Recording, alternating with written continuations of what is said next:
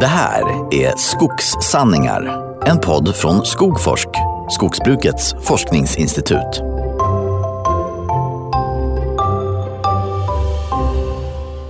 Ja, ska vi dra igång? Ja. Hej och välkomna till andra avsnittet av Skogforsks podd Skogssanningar.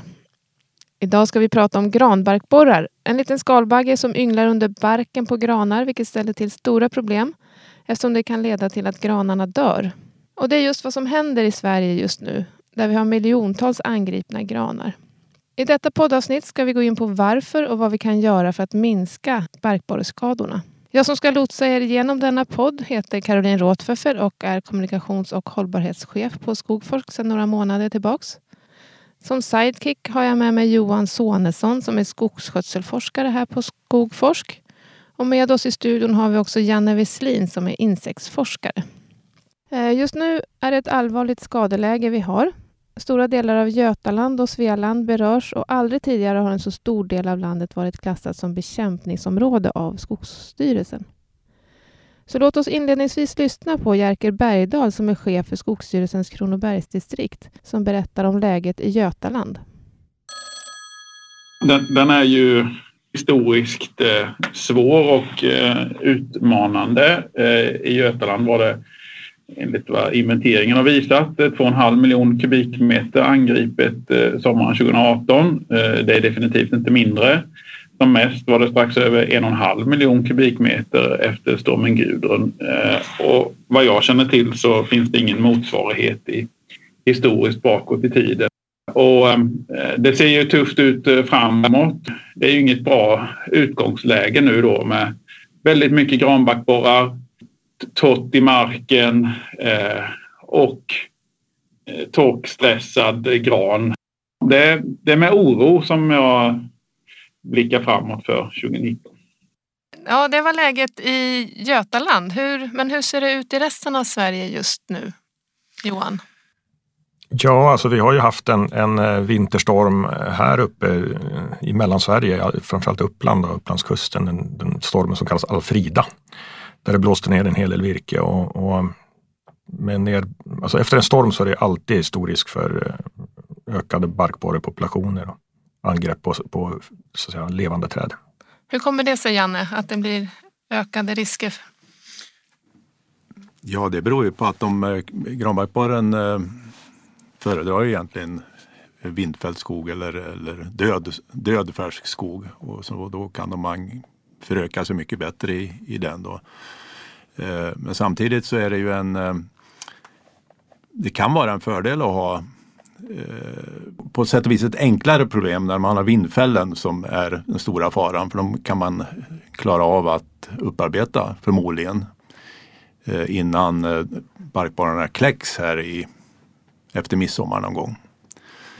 Det är två olika problem det här. Dels vindfällorna som är en, en eh, risk för att barkborrarna förökar sig. Men sen så har vi de här, de här stående skogen som kanske eh, i södra Sverige där det eh, som vi inte vet riktigt hur den mår från i fjol. Då.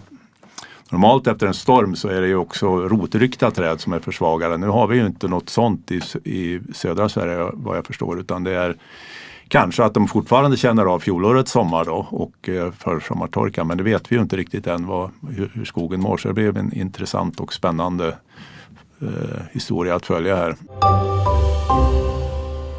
Men det är alltså så att barkborrarna de eh, angriper stressade träd lättare än helt vitala träd? De klarar av att eh, döda dem lättare ja. Därför att, eh, de ynglar under barken i de här träden? Ja, det gör de.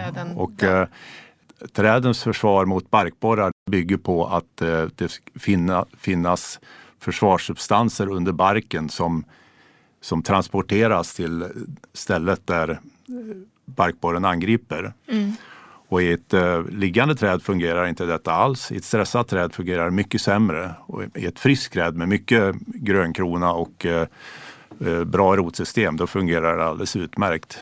Men, men hur går det till? Är det kåda som skickas dit? Det kan man säga, det är en form av kåda eller eh, som, som transporteras i trädet till, till punkten för angrepp. Okay. Och det är ofta ett, ett försvar mot svamp. Eh, detta försvar. Men just i granbarkborrens fall så, så har de ju en, en, liten medhjälpare med sig, granbarkborren. De har ju en svamp som ensam kan döda träd.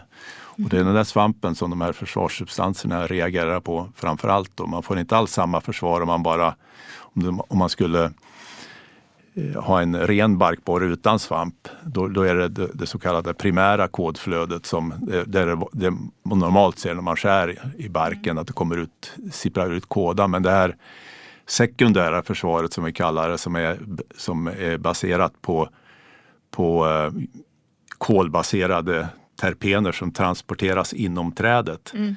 Det, det, är alltså eh, någonting annat än den kåda vi ser som flödar ut när man skär med en, mor, en morakniv i, i träden. De vuxna barkborrarna har övervintrat, men vad händer nu när värmen kommer? De övervintrade vuxna de vaknar till liv nu och kommer att angripa skog under man har redan börjat eh, lite grann svärma i södra Sverige och då kommer gissar att nästa värmebölja som kommer nu förmodligen i maj, då, då blir det huvudsvärmningen. Då kommer det att komma väldigt mycket barkborrar samtidigt och angripa mm. träd. Okej, okay. och då, angrip, då, kan de angripa stressade träd? Som... Ja, mm. de, kan, de kan nog angripa alla sorters träd men de kommer kanske bara klara av dem som är eh, lättast att klara av dem som är stressade i varje fall. Och det, jag kan fortsätta där. Det som är viktigt då i eh, här det är Eh, när man ska försöka förhindra de här eh, angreppen. Då finns det olika metoder men ett av de äldsta och mest beprövade är att leta upp angripna träd och de finns ju ofta intill träd som angripits i fjol. Och då går man runt eh, ja, någon gång i början på juni och tittar noga på träden som står runt fjolårsangreppen. Då.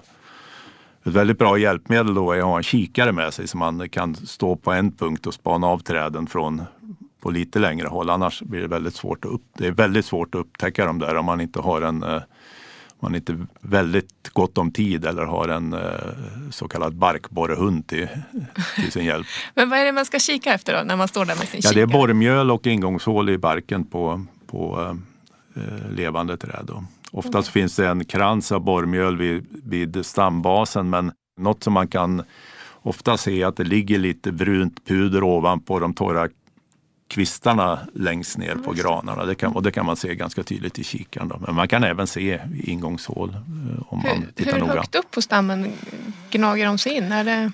Ja, de är högt upp. Alltså en stor gran det finns ju ända från eh, i princip brösthöjd och ända upp tills det blir för klen bark. Då. Så det är, så, så mellan eh, en meter och 20 meter kan det finnas angrepp okay. kan man säga. Mm. Men barkborrarna är lite lata sådär så de tar sig de flyger inte längre än vad de behöver utan tittar i närheten av Nej, det är inte riktigt sant det heller. Det är så himla komplicerat där. Utan det är, de är, egentligen så är det bara en del av barkborrarna som ligger i jorden där som är de är, de är, eh, går på direkt, de närmsta träden. Men sen så finns det då en, de är egentligen de, de, är, de är födda till att, till, till att sprida sig. Okay. Så, så en del reagerar inte på feromon när de vaknar för övervintring. Feromon, vad är det? Feromon det, det är granbarkborrens, eller all, nästan alla barkborrars kemiska kommunikation och prata med varandra genom en, ett, eh, en doft. En doft ja, mm, precis. Okay. Så att man kan säga att av den här eh, populationen av granbarkborrar som ligger, sitter under bark eller ligger i marken på våren så eh, är det mycket som tyder på att kanske 70 procent av dem sticker någonstans och de flyger runt och försöker leta och, och svara på, på feromonsignaler. Och först när de har flugit en viss sträcka då, kan de, då blir de receptiva för de här dofterna och de luktar ju med antennerna. Då. Mm. Så är det. Så man, man kan egentligen bara om man sätter upp en fälla intill en, en, eh, en granbarkborreangrepp från i fjol så är det, tyder ganska många olika forskningsrapporter på att man kan fånga 30 procent av dem bara. Resten okay. kommer att sticka någonstans. Mm. Å andra sidan så kommer det en massa barkborrar till de här fällorna utifrån. Då. Okay. Men vad är det som attraherar barkborren? Är det granarna som luktar eller måste det, det måste, de måste ju hitta nya granar att angripa? Det som attraherar är eh, framförallt två ämnen. Det är ett ämne som heter cis-verbenol som finns i trädet kan man säga. Det är, och sen så ett annat som Eh, ämne som heter metylbutenol som produceras själv av gravmarkborrarna i tarmen så de pyser ut liksom det där. Och de där två var och en för sig är väldigt svagt lockande på granbarkborren men ihop så är de extremt effektiva. Så det är det som finns i de här betorna som sitter i barkborrefällor. Det är de här två ämnena. Själva avverkningsdoften är, är lite lockande men inte speciellt. Eller koddoften, den, den lockar inte speciellt starkt. Eh, men Johan, du nämnde att vi hade stora, mycket stormfällen här i Uppland och Upplandstrakten under vintern. Är det en stor fara att vi inte hinner få ut det stormfällda virket nu i tid innan barkborrarna svärmar och lämnar de här granarna som ligger kvar i skogen? Ja, nej, alltså, de här granarna blåste omkull nu i, i vintras. Så de har ju inga barkborrar i sig utan det är nu när barkborrarna svärmar som de här kommer att, och, eh, som kommer att lägga ägg i de som är kvar, de som inte har lyckats få ut den ur, ur skogen. Eh, men då gäller det att, att alltså, få ut dem innan, innan nästa svärmning. Det är det som är viktigt.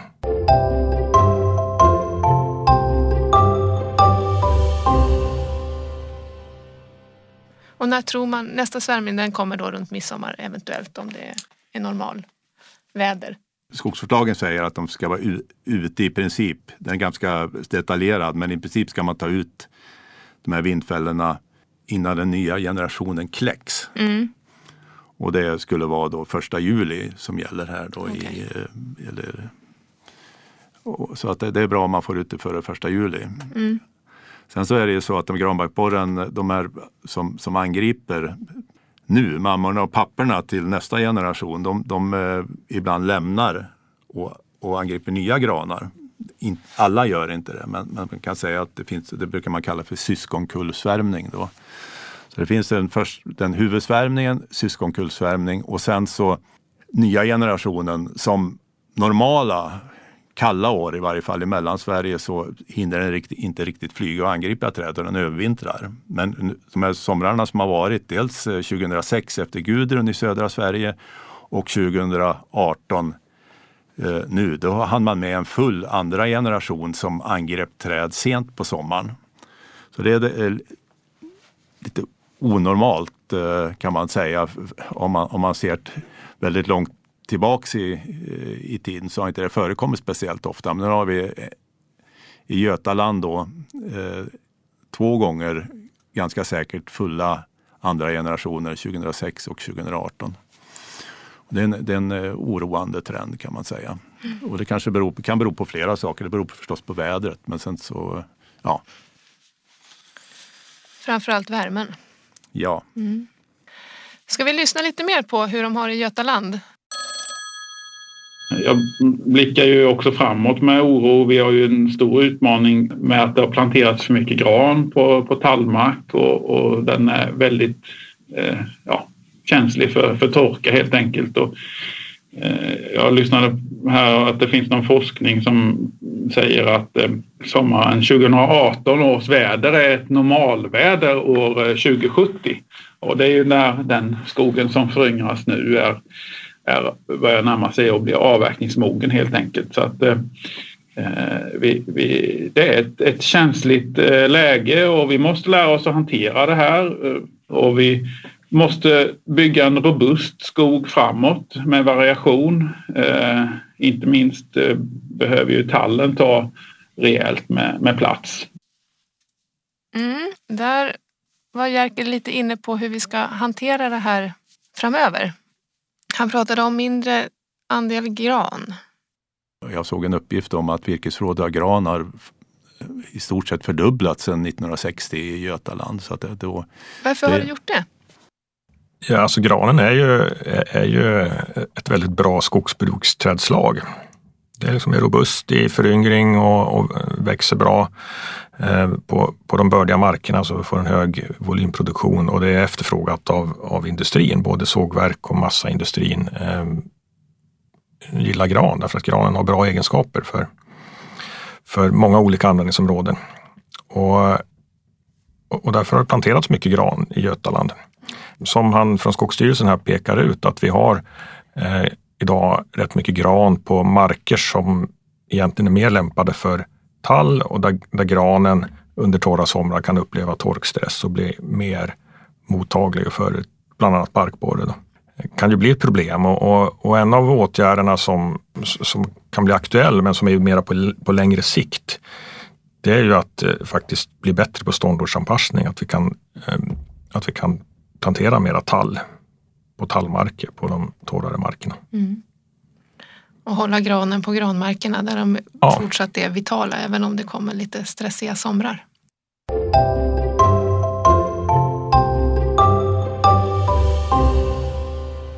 Du var tidigare inne, Janne, lite på sådana här äh, fällor, feromonfällor för, mot granbarkborre. Är de effektiva? Ja, det är den stora frågan det. De fångar väldigt mycket barkborrar i varje fall, så, så kan man säga. Och eh, det finns ju undersökningar eh, som eh, visar då att man, man kan minska skadorna i, alltså lokalt i kanter genom att sätta fällor eller eh, giftbehandlade stockar från, vid, vid de här fjolårsangreppen kan man säga. Så att de, eh, då samlas barkborrarna där istället för i skogskanten. Det är ju de här ny, framförallt nyexponerade kanter med gammal skog som är högst risk. Mm. Normalt, va, även, även normalår så får man ju angrepp i, i nya hyggeskanter. Eh, så att det, de, det är en av de bekämpningsåtgärder man kan ta till. Sen så är det frågan då hur pass kostnadseffektivt det är. Det, det går ju åt rätt mycket arbetskraft till att sköta de här grejerna så att det gäller att man att man verkligen räddar så mycket granar som, som, så att det över, eh, stiger kostnaden. Å andra sidan kan jag tro att det är rätt mycket psykologi i det här också. Nu sa jag tro, jag tänkte skulle försöka prata utan att säga tro någon gång för eftersom vi ska basera oss på fakta. Men det är, när det, det är väldigt eh, svårt för en skogsägare att se gammal granskog dö utan att göra någonting. Så att det, det, är ju någonting måste man göra. Så att det, det, och då är en av åtgärderna då är, kan vara att sätta ut eh, fällor. Kan du och, nämna någon annan åtgärd? Ja, alltså... Du har eh, varit inne på att ta ut träden. Ja, alltså det är, en, det är nog en... Eh, det är en, en väldigt bra grej, det är att ha koll på sin skog och eh, söka upp de här angreppen från fjol och titta vad som händer. Och sen eh, plocka bort de nyangripna träden. Och det måste göras i tid, det är den svåra saken. För att om gör man det för sent så trillar barken av och då blir granbarkborrarna kvar i skogen. Och det är ett väldigt, i princip nästan omöjligt eh, för att få ut alla nyangripna träd mm. ur skogen. Det ska ju ske någon gång efter midsommar, mm. då en månad framåt. Så det, det, det, är ju svårt, va? men man har ett, eh, alltid ett bättre läge om man har koll på sin skog med vad som händer. Men, men skulle man, om man nu hittar de här träden och man hinner avverka dem, då ska man, men kanske inte hinner köra ut dem. Kan man tjäna på att barka träden i skogen? Ja, det, om det är någon som vet hur man gör detta ja. fortfarande. Det är ju väldigt jobbigt uh, att göra. Man kan inte bara ställa in maskinen att de smetar åt lite hårdare runt Ja, alltså visst. Av. Jo, faktiskt så är det ju rätt. Om man, har en, om man, om man kör dem lite hårdare genom skördaraggregaten där mm. så kan man nog få barken så pass uh, uppluckrad och uh, att den torkar ut snabbt. Så att det, det faktiskt så, mm. så kan det vara ett sätt. Men, men annars om man får ut virket i tid innan trädet dör så kan man ändå använda virket? Kan man, är det, eller är det helt förstört? Ja, nej, alltså de får ju, det, det är ju full, fullvärdigt eh, eh sågtimmer och massaved om man får ut det i, i tid. I tid. Det, mm. det skulle jag vilja påstå. Sen så I alla fall en, något positivt i den här, här sörjan en åtgärd som också, det är, det är en väldigt gammal eh, metod, det är fångstvirke. I, I forntid höll jag på att säga, då avverkar man träden och lät dem angripa så, så fraktar man ut dem eller mm. barkade. Då när det fanns eh, folk i skogen som kunde göra detta.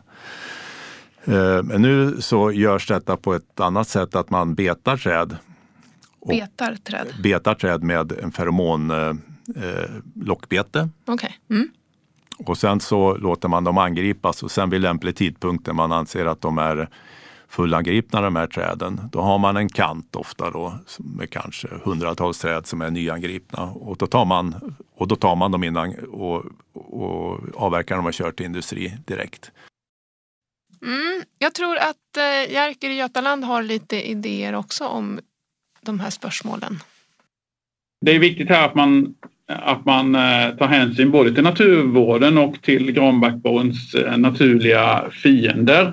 I vinter har vi sagt så här att bruna träd kan man avverka för att rädda virkesvärde och i någon liten utsträckning få med någon granbarkborre ut också.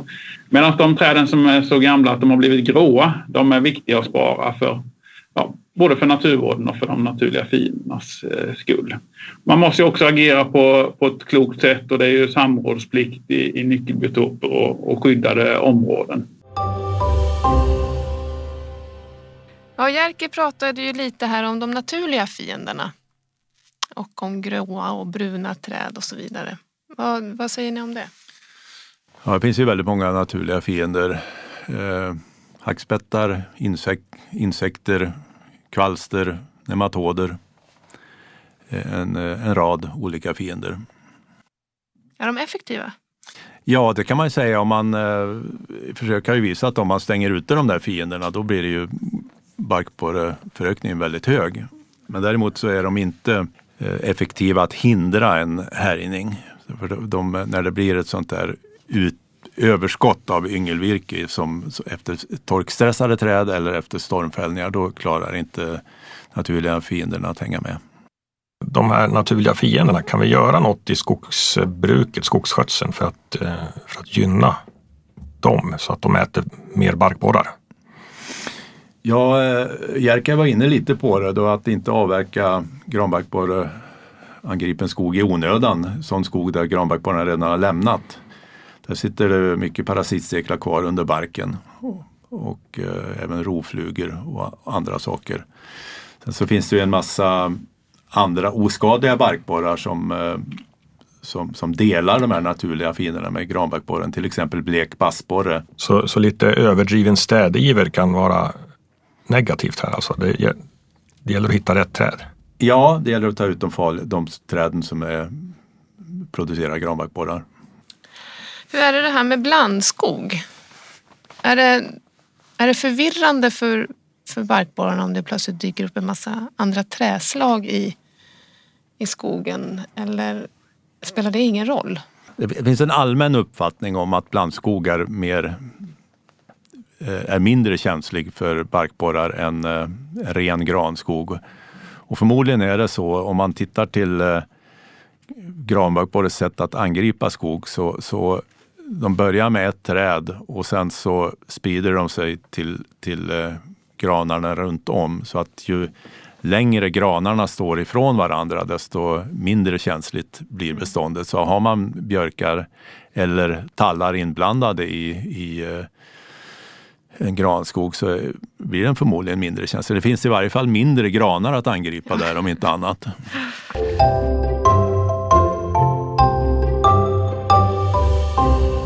Men om man då har träd som, har, som man ser har blivit angripna, kan man rädda dem på något vis? Just det specifika trädet?